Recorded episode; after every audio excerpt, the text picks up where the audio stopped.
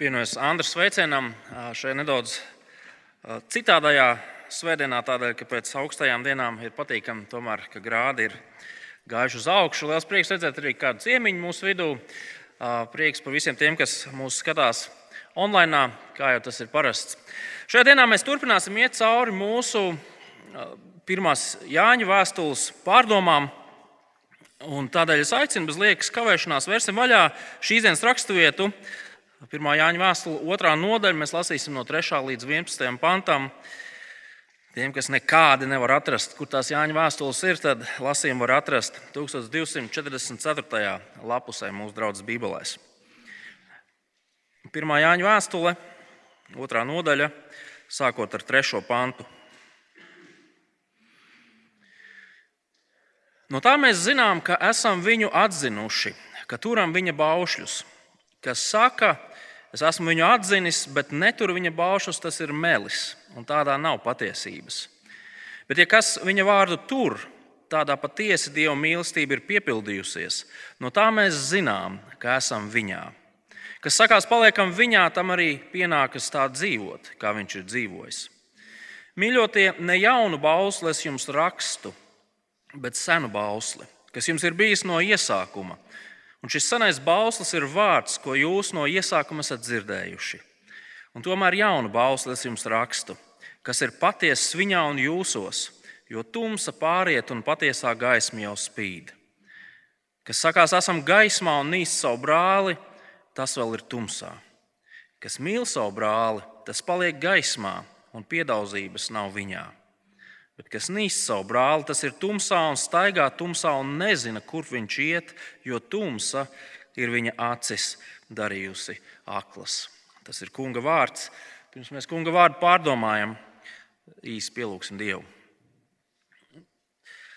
Ja kas viņa vārdu tur, tādā patiesi Dieva mīlestība ir piepildījusies. Dabas Tēvs, mēs pateicamies par to, ka mums ir pieejams Tavs vārds. Mēs to varam lasīt, Mēs to varam pārdomāt, mēs to varam saprast. Un tad mēs lūdzam, lai mēs būtu ne tikai tavu vārdu lasītāji, klausītāji, bet arī tā darītāji. Tās mēs lūdzam, palīdzi mums ar vien vairāk iepazīt tavu mīlestību caur Kristu, lai mēs varētu to rādīt arī saviem līdzcilvēkiem. Amen. Mazāk vārdu, vairāk darbu. Neskati vīru no cepures, bet no viņa darbiem. Ar mutes kūšanu, klēti pilnu ar graudiem nepievedīsi, lai tavu darbi liecina par taviem vārdiem. Mēs varētu citēt vēl šādus klišejiskus sakām vārdus. Man liekas, katrā ģimenē kāds šāds motivējošs sakām vārds pastāv. Bet visi šie sakām vārdi kopā ņemt, viņi piektīsiet atspoguļo vienu svarīgu patiesību. Proti, vārdi paši par sevi vēl neko daudz nenozīmē. Vārdi bez darbiem bieži vien ir vienkārši tukša skaņa. Aiz vārdiem ir jābūt reālai rīcībai, um, kas, reāliem darbiem, kas pierāda un parāda to, ka šie vārdi, kas ir teikti, ir patiesība, kas atbilst realitātei.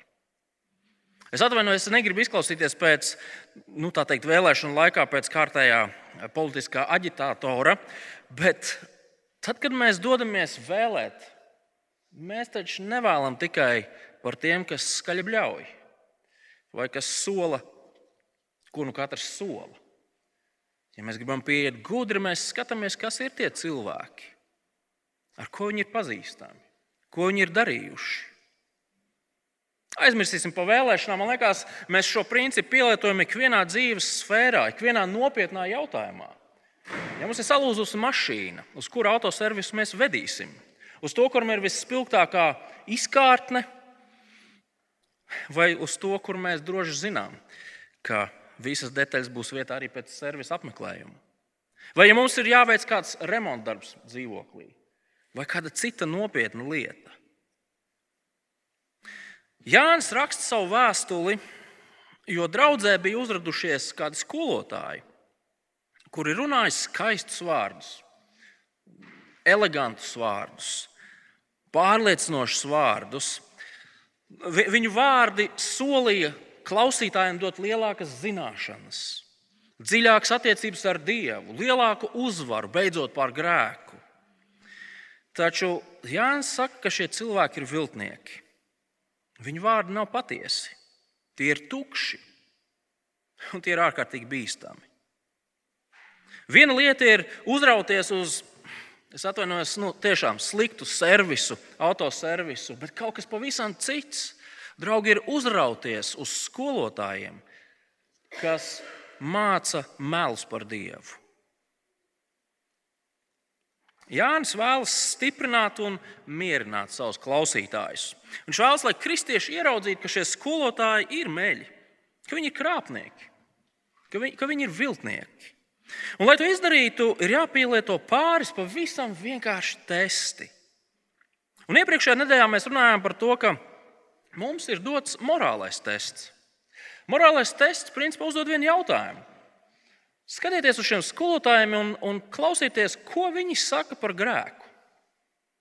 Tas, ko šie cilvēki domā par grēku, atklās to, ko viņi saprot ar Dievu un sekošanu Dievam. Un mēs redzam, ka šie skolotāji viņi grēku noliedza, vai mazināja, vai pārdefinēja. Viņi nespēja izturēt morāles testu. Un šajā reizē Jānis piemin vēl vienu testu, kuru mēs kā kristieši varam izmantot, un tas ir paklausības tests. Mēs varam izmantot šos testus, lai redzētu, kāda ir šo skolotāju patiesā daba. Un mēs redzēsim to, ka šie cilvēki patiesībā nedara to, ko viņi saka. Un tas ir visiem redzams.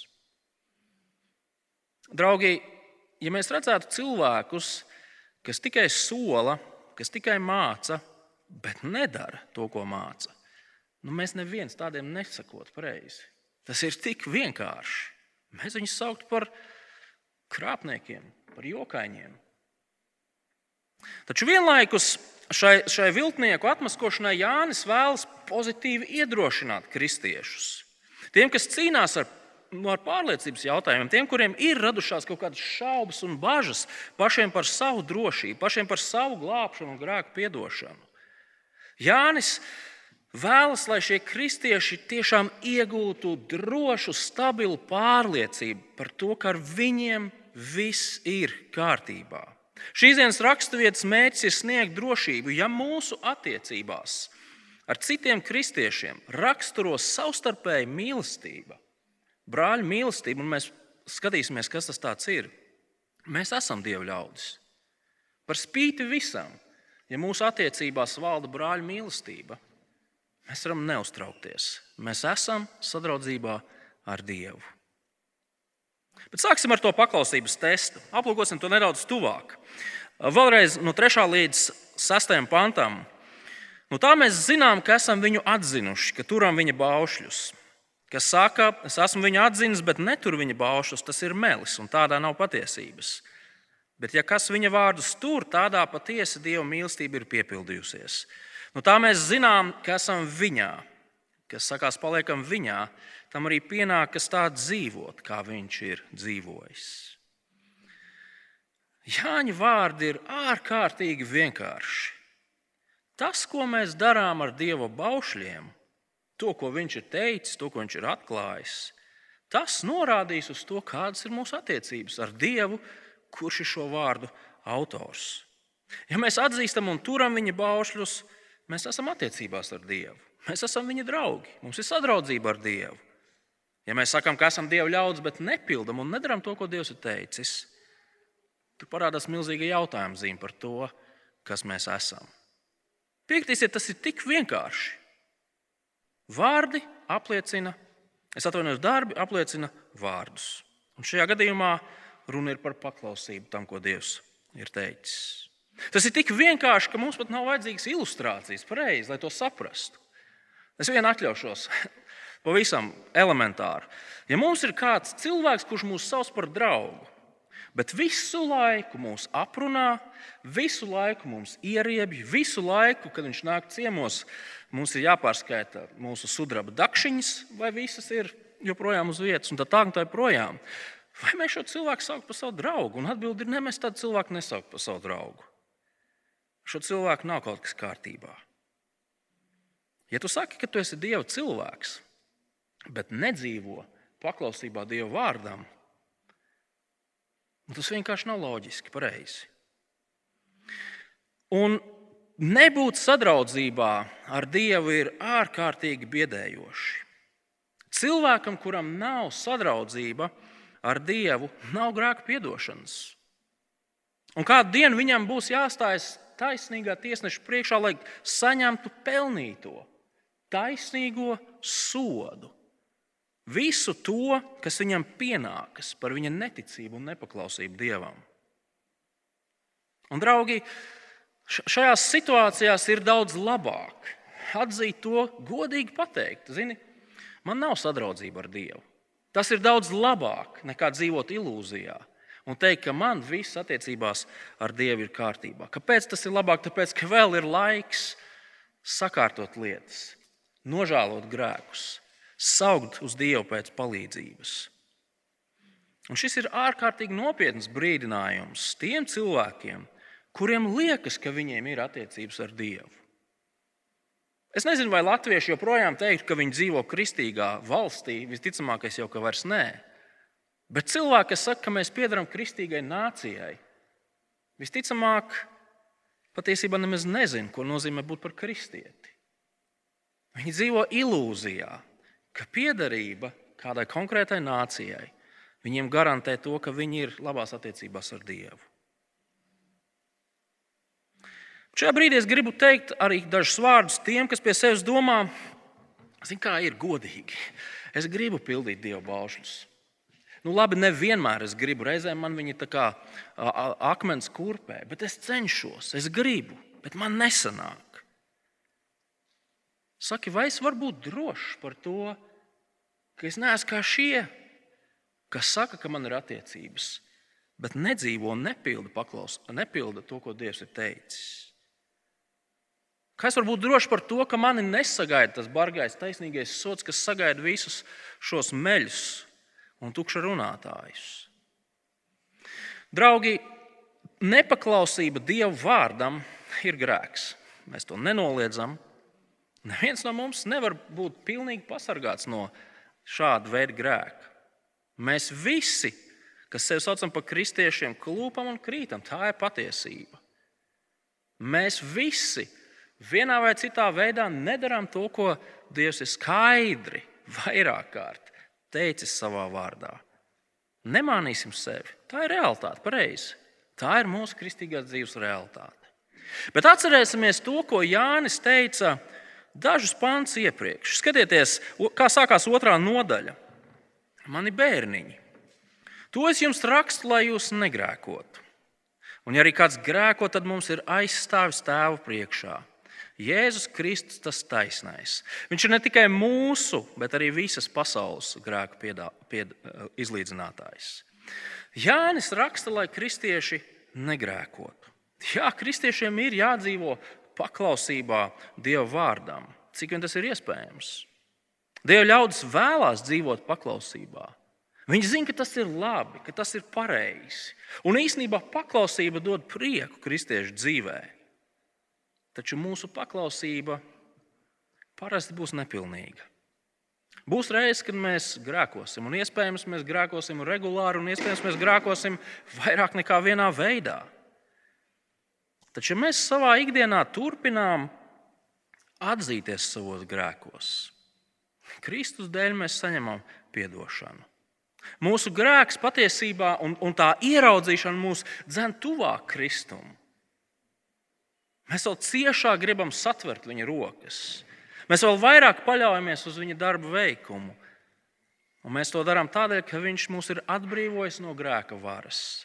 Un viņš joprojām turpina mūs šķīstīt no visa pārējā, kas no šīs vecās dabas mūsos vēl mīt. Tad mēs varam būt droši.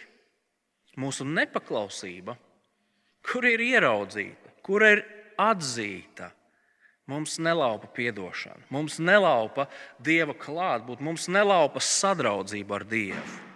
Ja paļaujamies uz Kristu, viņa mīlestība uz mums ir nemainīga mūžīgi.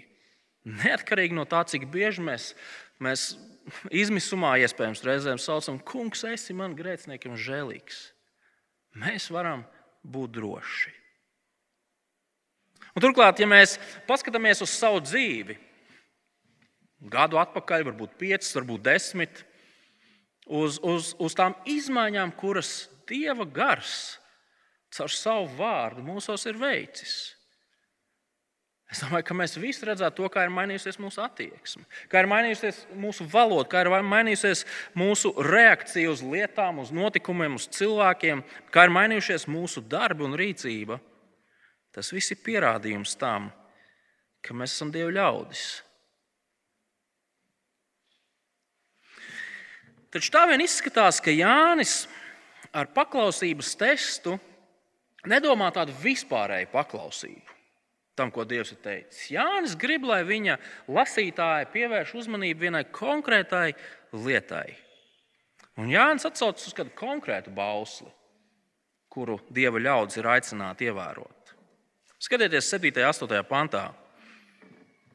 Mīļotie, ne jaunu bausli es jums rakstu, bet senu bausli, kas jums ir bijis no iesākuma. Šis senais bauslis ir vārds, ko jūs no iesākuma esat dzirdējuši.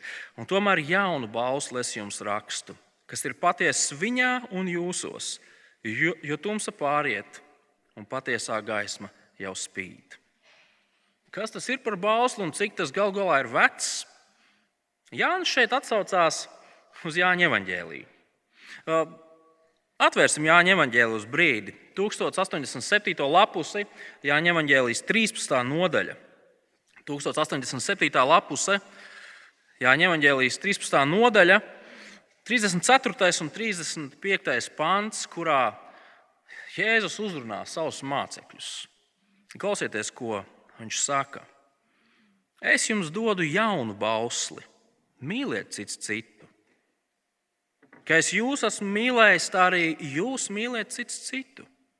Ja mums būs mīlestības savā starpā, visi zinās, ka jūs esat mani mācekļi. Un pašķirsim nedaudz uz priekšu, uz 15. nodaļu, tajā pašā Jāņa Evangelijā, 15. nodaļa, 12. un 13. pants. Mēs lasām kaut ko ļoti līdzīgu. Jēzus saka, mans bauslis ir mīlēt cits citu, tāpat kā es jūs esmu mīlējis. Nevienam nav lielākas mīlestības par to, ja kāds savu dzīvību atdod par saviem draugiem. Lai gan ideja par tuvākā mīlestību nav pati par sevi nekas jauns. Mēs to redzam jau vecajā darbā. Vecās darbības bauslība sastāvēja no daudziem dažādiem likumiem un noteikumiem, bet tur bija ļoti daudz ļoti praktiski noteikumi un likumi par to, kā mēs viens otram demonstrējam laipnību. Kā mēs viens otram palīdzam, kā mēs īstenībā, kā sabiedrība, esam aicināti rūpēties cits par citu.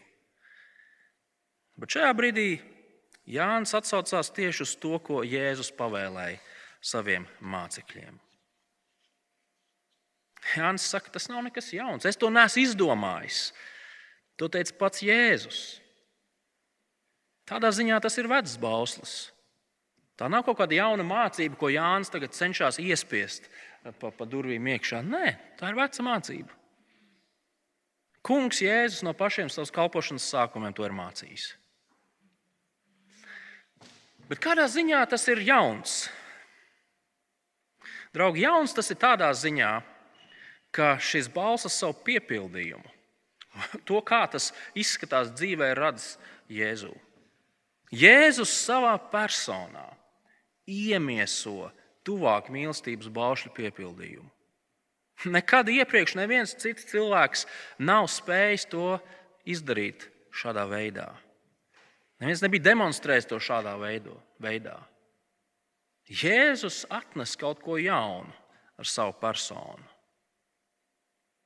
Un kā tad Jēzus ir demonstrējis savu mīlestību pret citiem?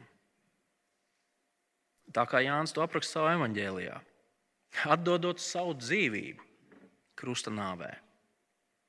Jēzus zināja, ka vienīgais veids, kā, kā cilvēkus izglābt no Dieva taisnīgajām dusmām, ir cilvēku vietā samaksājot viņu grēku parādu. Tādēļ apmierinot Dieva taisnīgo prasību. Jēzus to izdarīja. Viņš to izdarīja labprātīgi, viņš to izdarīja līdz galam. Viņš mira, lai cilvēki varētu dzīvot.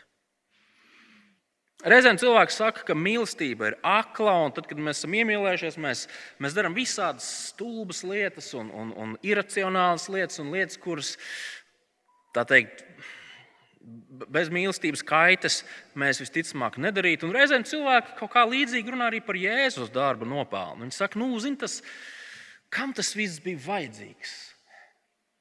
Vai tikai tajā Jēzu nebija kaut kāds neprāts? Taču, draugi, Jēzus mīlestība nav neprāts. Tā nav kaut kāda romantiska muļķība, ko mēs reizēm jaunībā izstrādājam. Nē, viņš mērķiecīgi, viņš apzināti darīja to, ko viņš darīja, lai cilvēkiem sarūpētu pilnīgu grēku piedošanu un dzīvību.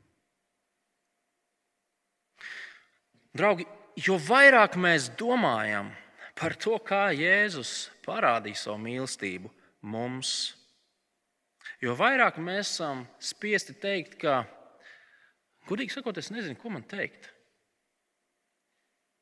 Es, es vārdiem to nevaru aprakstīt, ko man nozīmē tas darbs, ko Jēzus man labā, manā labā ir darījis. Ja mēs saprotam Jēzus mīlestību uz mums, mēs esam pateicīgi mēs esam priecīgi un pavisam noteikti mēs vēlamies dzīvot viņam. Bet Jāņa vēstules 8. pantā slēpjas vēl viena pārsteidzoša lieta. Skatieties, 8. pantā. Un tomēr jaunu bausli es jums rakstu, kas ir patiesa viņā un jūsos. Viņā šī mīlestība ir redzama Jēzu un jūsos. Kā mums saprast to, ko Jānis šeit saka? Jānis saka, tā pati mīlestība, kas savu piepildījumu rod Jēzū, izpaužas arī kristiešos. Kristus mīlestība ir patiesa un redzama viņa sekotājos. Mēs par to tā neesam raduši domāt pareizi. Bet tiešām mēs atspoguļojam Jēzus mīlestību, to pašu mīlestību, kas piemīt Jēzum. Neticam, bet tā ir. Protams, mēs neviens nevaram izdarīt to, ko izdarīja Jēzus. Mēs neviens nevaram nomirt cita vietā par cita cilvēka grēkiem. Tas nav iespējams, taču mēs savā dzīvē atspoguļojam Kristus mīlestību, kad mēs rūpējamies par saviem brāļiem un māsām. Un padomāsim brīdi par to, Un patiesībā šī, šīs rūpes un šī mīlestība, šī praktiskā mīlestība, tas nav nekas sarežģīts, kaut kas, kaut kas super cilvēkiem iespējams. Nu, piemēram, mēs praktizējam šādu Kristus mīlestību savā starpā. Kad nopietni uztveram un gādājam par savu ticības brāļu un māsu garīgu izaugsmu. Mēs to darām mazajās grupiņās, kad mēs sanākam kopā. Tās nav lekcijas, uz kurām mēs nākam. Mēs nākam kopā, lai viens otram uzdot svarīgus jautājumus par raksturvietu, lai kopā rastu atbildi. Vai esat piedzīvojuši to, ka grupiņā, ja kāds kaut ko nesaprot, pārējie cenšas no visām pusēm palīdzēt tam cilvēkam saprast? Tas ir tas, kā mēs mīlam cits citu, nopietni pieejot Bībeles studijām. Mēs lūdzam par Bībeles studijām. Mēs lūdzam par visām tām situācijām un reizēm, kad cilvēki nāk kopā, lai lasītu Dieva vārdu. Mēs lūdzam par vadītājiem, mēs lūdzam par dalībniekiem, mēs lūdzam paši par sevi. Tāpēc, ka mēs gribam redzēt, kā mēs visi kopā pieaugam Dieva vārdu izpratnē. Patiesa mīlestība, patiesa kristīga mīlestība ir redzama tad, kad mēs rūpējamies cits par cita garīgo pieaugšanu. Patiesa kristīgā mīlestība izpaužas tad, kad mēs nesam cits cita nastas. Mūsu nastas var būt daudz dažādas. Tas var būt saistīts ar mūsu ienākumiem, tas var būt emocionāls nastas, tas var būt slimības un dažādas cita veida kaitas. Mēs savu mīlestību demonstrējam tad, kad mēs esam līdzās cits citam. Un reizēm būt līdzās nozīmē, ka mēs sametamies lai kāds draugs, brālis vai māsa varētu samaksāt astronomiskos rēķinus, nopirkt zāles, pabarot savus bērnus. Citreiz būt līdzās nozīmē to, ka mēs vienkārši raudam ar tiem, kam ir jāraud. Tiem, kam ir liels bēdas, skumjas, mēs raudam un lūdzam, lai Dievs palīdz. Citreiz būt līdzās nozīmē sarāt kādu, kurš ir nomaldījies no patiesības ceļa. Demonstrēt kristīgu mīlestību nozīmē būt viesmīlīgiem. Mēs izrādām patiesu interesi ne tikai par saviem draugiem, bet par katru, kurš ienāk mūsu mājās. Un ar mājām es nedomāju, varbūt Kalnciem 24, kur es dzīvoju, bet tiklīdz cilvēks spēr kāju pāri mūsu draudzes um, namas lieksnim, mēs izrādām patiesu interesi. Mēs demonstrējam patiesu kristīgu mīlestību, cits par citu lūdzot, aizlūdzot, pateicoties Mēs demonstrējam īstu kristīgu mīlestību, tad, kad mēs darām visus tos mazos piņķerīgos darbiņus, kas ir saistīti ar svētdienas dievkalpojumu, piemēram. Pagājušajā svētdienā vai pirms divām svētdienām jaunieši, kas tur aizmugurē ne, nav iesnaudušies, pacēla galvas. Kā viņi vāca telpu, nesa bībeles, taisīja kafiju, visu pārējo. Kāpēc? Tāpēc, lai draudzes cilvēki varētu piedalīties dievkalpojumā, lai viņi varētu lasīt Bībeli, lai viņi varētu pie kafijas turpināt sarunas par svarīgām lietām. Un šis saraksts par to, kā izskatās kristīga mīlestība, varētu turpināties vēl un vēl, bet es ceru, ka jūs visi ieraugat to, cik tā ir vienkārša, cik tā ir praktiska.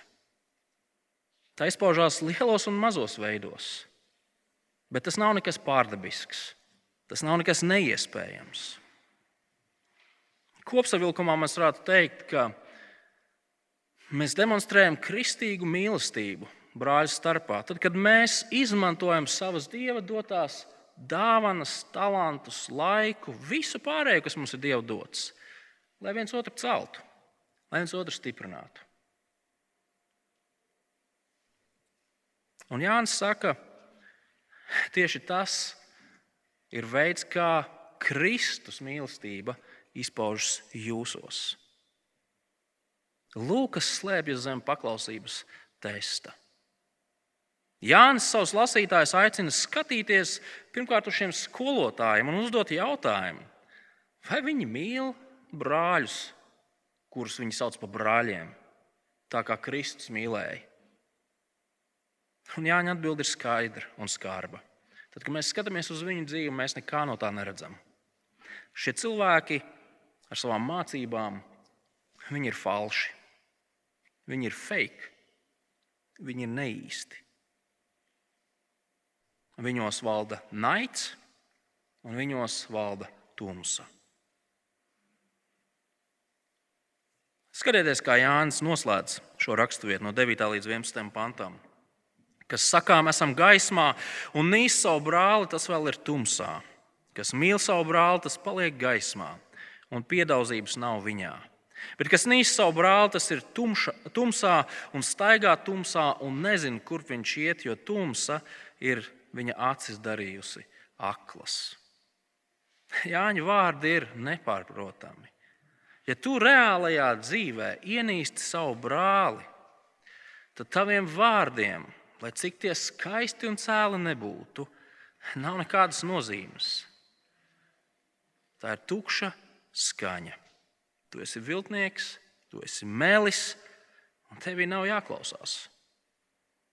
Viltus pravieti var atpazīt pēc viņa attieksmes pret tiem, kurus viņš uzrunā.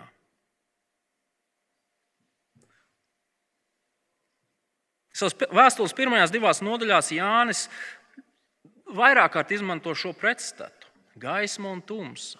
Gaisma asociējās ar Dievu ar patiesību, ar labo, ar absolūto, ar vērtīgo, ar pilnīgo. Savukārt tumsa ir šīs pasaules kārtība, šīs pasaules vērtības. Viss tas, kas ir pret Dievu. Un, ja mēs tā padomājam, tad vai jums neliekas, ka 11. pāns ir ārkārtīgi šausmīgi traģisks? Tas ir tik tumšs. Kas nīst savu brāli, tas ir tumsā. Viņš staigā tumsā. Viņš nezina, kur viņš iet, tāpēc ka tumsa ir viņa acis padarījusi aklas. Vai jūs esat ilgāku laiku bijuši absolūtā tumsā? Pirms dažiem gadiem mēs ar ģimeni devāmies uz Kuldīgas pusi. Ja pareizi atceros, Riežupes smilšu alas, netālu no Kuldīgas, vieta, kur iegūst smiltis. Laikam vairāk tur neko neiegūst, bet tas ir tāds neliels alu labirints, vairākus simtus kilometrus, kilometru, tas bija bijis pa daudz, vairākus simtus metru garš. Un, un šī gide, kas mūs izvadīja pa tām malām, viņa izstāstīja visu vēsturi, kas tur notika, kas tur vairs nenotiek. Un tad viņi palūdza mūs visus izslēgt savus lukturīšus. Un tad, kad mēs to bijām izdarījuši, viņi teica, nu, gandrīz vai sameklējiet mani. viņi teica, nu, vai jūs varat mērot kādus 20 vai 30 metrus bez lukturīšiem. Un, protams, mēs to uztveram kā tādu jautru piedzīvojumu. Visi lēnām šļūcot, sakumpušām mugurām, cenšoties sataustīt to, kur mums vispār ir jāiet. Bet iedomājieties, pavadīt visu dzīvi šādā tumšā alā. Lēna iešana pa tumšu alu. Jūs neredzat absolūti neko. Jūs nezināt, kas jums sagaida, kas jūs sagaida priekšā. Jūs nezināt, vai būs jāgriežas pa labi vai pa kreisi, vai varbūt būs tupiks. Jūs pārvietojaties maziņiem solīšiem, visu laiku taustoties ap sevi, lai nesasistu galvu. Iedomājieties tādu dzīvi. Un, protams, Jānis šeit nerunā par tādu fizisku aklumu, bet gan par garīgu aklumu, par neticību dievam. Cilvēki un sabiedrība, kas dievam ir uzgriezusi muguru, atrodas tumsā. Un šī, un šī tumsa ir tik melna, Un tā šķietam kļūst ar vien sliktāka un sliktāka, lielāka un lielāka. Un katra nākamā paudze, mēs varētu teikt, ar vien vairāk un vairāk aizmirst pat stāstus par to, kā kādreiz bija dzīvot tums, gaismā. Mēs dzīvojam sabiedrībā, kas ne tikai netic dievam, bet kas aktīvi cenšas iznīcināt, izdzēst, atmest un salauzt pilnīgi visu, kas saistās ar dievu. Pilnīgi visu, kas saistās ar kristīgām pagātnes vērtībām. Tagad viss ir lepni teikt, mēs dzīvojam nekristīgā nācijā. Visi pamati ir noārdīti. Bet patiesība ir tāda, ka bez atskaites punkta nav iespējams iztikt. Un tad no sabiedrības domātāji stutē un slien un mēģina kaut kādā veidā organizēt dzīvi, sabiedrību, procesus, notikumus.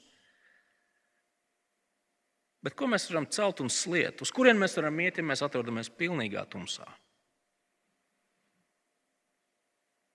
Un Jānis saka, ka viena ārkārtīgi praktiska pazīme, kas liecina par šo garīgo tumsu, ir naids pret saviem brāļiem, mīlestības trūkums pret saviem brāļiem. Piekritīsiet, ka naids ir pilnīgs pretstats mīlestībai. Tums ir pilnīgs pretstats gaismai, tāpat naids ir pilnīgs pretstats mīlestībai. Naids sevi liek pirmajā vietā. Naids nevēlas otru celt, bet grib redzēt otru krītam. Naids nevēlas dot, bet grib ņemt. Naids nav atklāts un godīgs. Tas ir slēpts un viltīgs. Naids meklē savu labumu. Dzīve bez Kristus piedošanas un Dieva gaismas ir ārkārtīgi skumja. Jo vairāk mēs domājam par mūsu līdzcilvēkiem, kas atrodas šajā stāvoklī, jo vairāk mums vajadzētu raudāt un saukt uz Dievu pēc palīdzības. Tas ir šausmīgs stāvoklis. Jānis saviem uztrauktajiem lasītājiem raksta un saka, paskatieties, vai šie cilvēki, kas jums mācās virsū ar savām gudrībām, vai viņi ir īstie? Vai viņi var iziet paklausības testu? Un atbildi ir, nē, viņi nevar iziet paklausības testu, tādēļ, ka viņi nav sapratuši, kas ir Jēzus mīlestība. Un nesaprotot Jēzus mīlestību, viņi nevar mīlēt savus tuvākos. Nav viņos ko klausīties. Nav viņos jāklausās.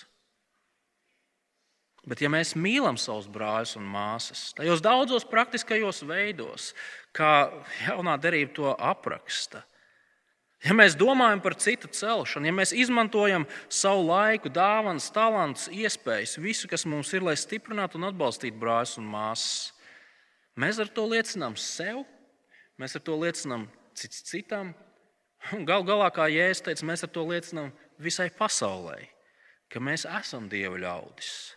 Mēs esam Kristus sakotāji, mēs esam patiesie Dieva ļaudis. Kristiešu savstarpējā mīlestība parāda to, ka mēs patiesi mīlam Dievu. Mums ir vajadzīgi citi kristieši. Jo šīs attiecības parāda to, ka mēs esam kristieši. Un nav svarīgi tas, cik liela vai maza ir mūsu mīlestība. Mēs cenšamies citiem dāvāt šo praktisko kristīgo mīlestību. Un tas savukārt pierāda to, kas mēs esam.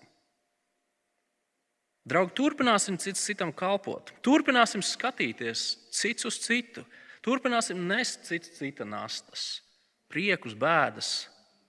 Un ļausim, lai šī mīlestība mums dāvā pārliecību, prieku un drošību par to, kas mēs Kristū esam.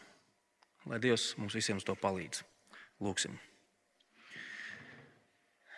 Labais dabas tēvs, mēs patiesi atzīstam to, ka mēs ilgojamies um, nobriest, pieaugt. Mēs ilgojamies pēc tā, ka mēs varētu mīlēt tevi vairāk un citu citu vairāk. Tās, un mēs atzīstam, ka mēs reizēm šī, šī, šo vēlmju dēļ iekrītam tādā kā izmisumā. Mēs redzam to, cik daudz mēs nevaram darīt to, kas ir jādara Tās mēs lūdzam, lai šī raksturvieta mūs stiprina. Lai šī raksturvieta mūs pārliecina par to, ka Kristū mēs esam tavi ļaudis. Kristū mēs esam cilvēki, kas spēj atzīt savu grēku. Kristū mēs esam cilvēki, kas spēj mācīties un arī mīlēt cits citu tā, kā tu esi mūs mīlējis. Tās dod, ka mēs varam nekrist panikā un izmisumā savu grēku, savas nepaklausības dēļ bet turēties ar vien stingrāk un ciešāk pie tevis, kungs. Un jo vairāk saprotam tavu mīlestību, jo vairāk mēs to varam rādīt cits citam. To mēs lūdzam Jēzus vārdā. Amen.